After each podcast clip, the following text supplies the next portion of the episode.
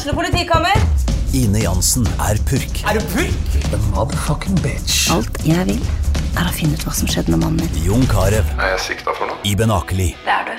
Ole So, Lars Berrum og Big Daddy Karsten. Hvem sin side er du på, egentlig? Anette Hoff, Tone Danielsen, Kommer du fra Afrika? Jørnis Josef, Nesten. Kløfta. Trond Espen Seim, Det er synd å si det, men det var feil mann som døde. Purk. Premiere tirsdag på TV2 Play. Og så da får du da beskjed at du er med down, og så er du hjemme da og griner litt og tenker litt på gjennom livet og hva det er for noe, og så bare bestemmer seg at her han skal få det like godt som alle andre barn som skal vokse opp i Norge. Så ferdig med det.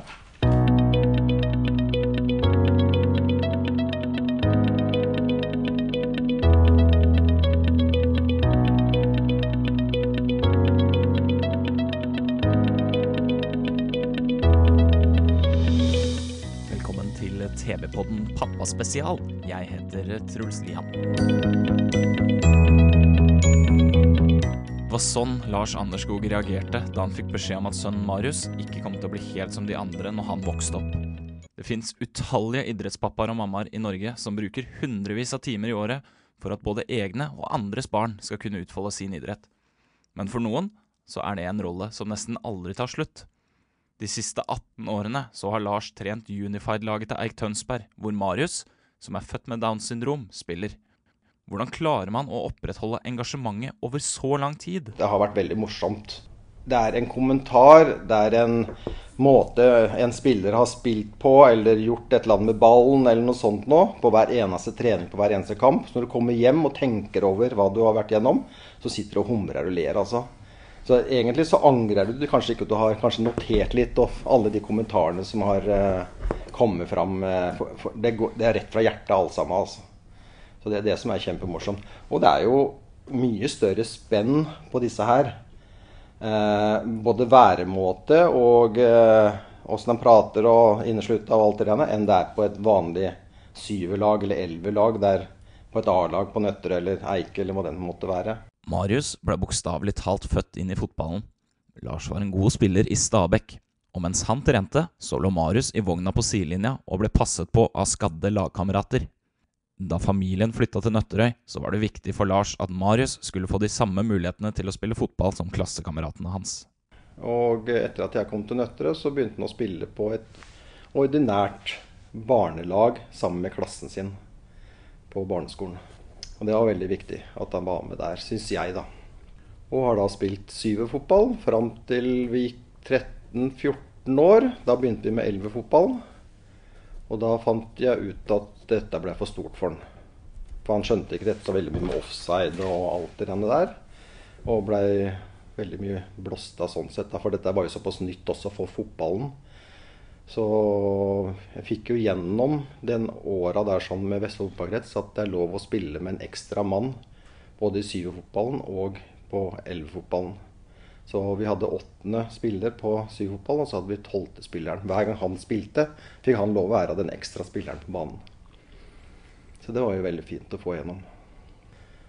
Og Marius var jo såpass inne i fotballen altså at jeg kunne jo ikke selvfølgelig sette bare han inn. Jeg måtte ta ut igjen.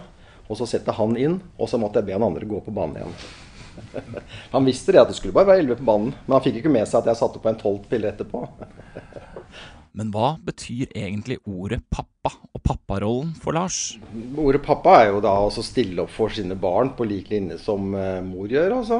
Eh, plutselig så er ikke det sjæl de fortsette mer, og at du har da fått barn, og det er de som faktisk bestemmer eh, tida du skal bruke eh, fritida til. da. Og, og ikke bare fritida, men også arbeidstida til.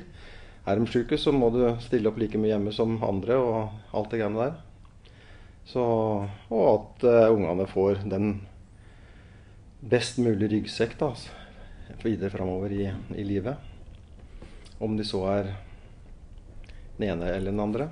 Etter Marius så kom to barn til.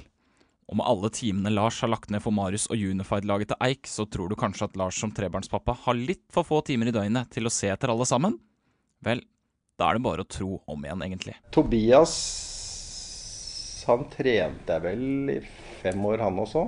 Altså ifra barneskolen og fem år. Alle ja, de syver når han gikk i syverfotballen. Dattera har jeg aldri trent.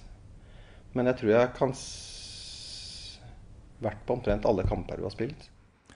Jeg tror ikke jeg sier noe feil hvis eh, jeg slår fast at eh, Lars ikke har hatt problemer med å få tida til å gå med tre barn som eh, krever oppfølging både på og utenfor fotballbanen.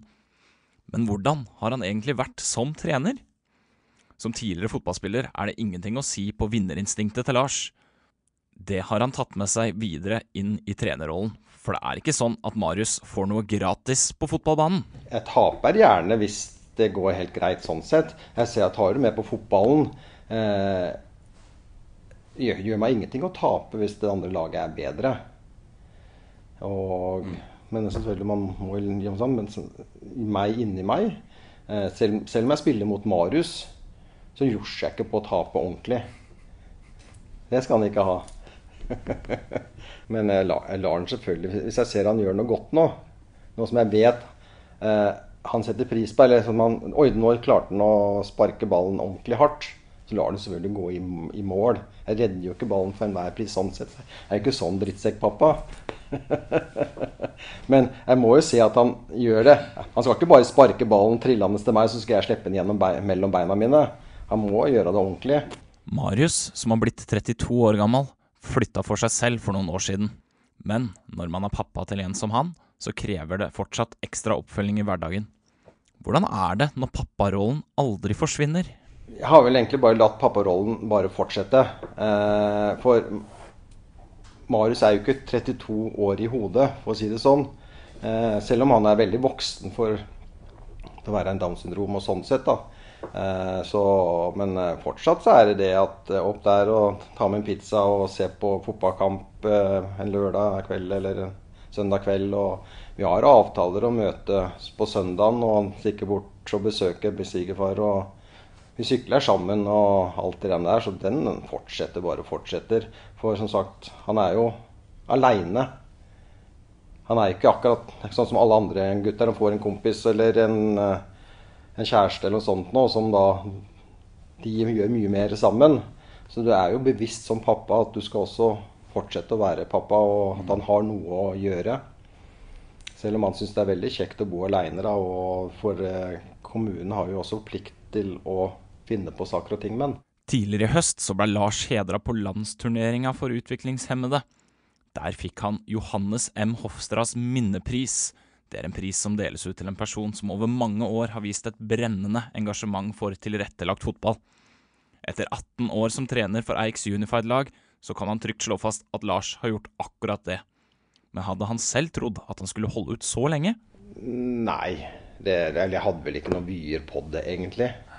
Eh, jeg ser jo nå i ettertid at det er mye vanskeligere å finne en erstatter til disse enn til et ordinært lag for å si det sånn. For der kommer det alltid noen papper som kan stille. Eller når du blir gammel nok, så tar lag, laget over og får, finner en kvalifisert trener. Men eh, så er det det at du syns du har gjort en god jobb sjøl, så, så setter du ganske høye krav til den som skal ta over også. For nå vurderer Lars å gi stafettpinnen han som trener har hatt i 18 år, videre til noen andre. Når det skjer, er uvisst, men Lars kommer i alle fall ikke til å bli helt borte. Nei, jeg ser jo for meg at jeg kommer til å være i kulissene til Marius ikke vil mer. Eh, jeg har en pappa da, eller en trener på, på, Eller to trenere kanskje på papiret som kunne tenke seg kanskje å holde på med det.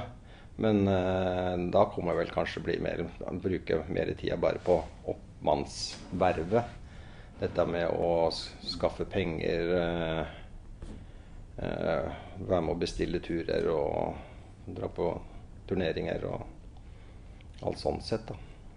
Vi får se da åssen det blir, men det er iallfall det målet nå en av de første åra. Å gi fra seg treneransvaret og eh, kampansvaret til andre.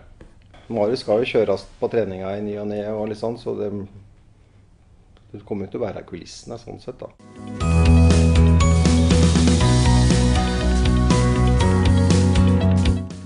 Det var alt vi rakk i denne episoden. Sjekk gjerne ut de andre pappaspesialene våre på Google Podcasts, i Spotify eller i Anchor.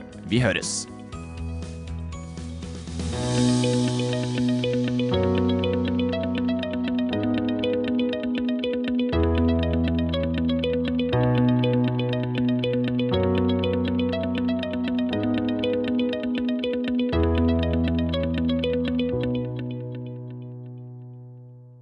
Hei, mitt navn er Sigmund Kyrland. Jeg er ansvarlig redaktør i Tønsbergs Blad. Hører du på denne podkasten vår, så er du sikkert interessert i mer av vår journalistikk. Ønsker du å abonnere på saker som både gleder og engasjerer, så finner du alt du trenger på tb.no bestill. Velkommen til oss. Har du et enkeltpersonforetak eller en liten bedrift? Da er du sikkert lei av å høre meg snakke om hvor enkelt det er med kvitteringer og bilag i fiken, så vi eh, gir oss her, vi. Fordi vi liker enkelt. Fiken superenkelt regnskap.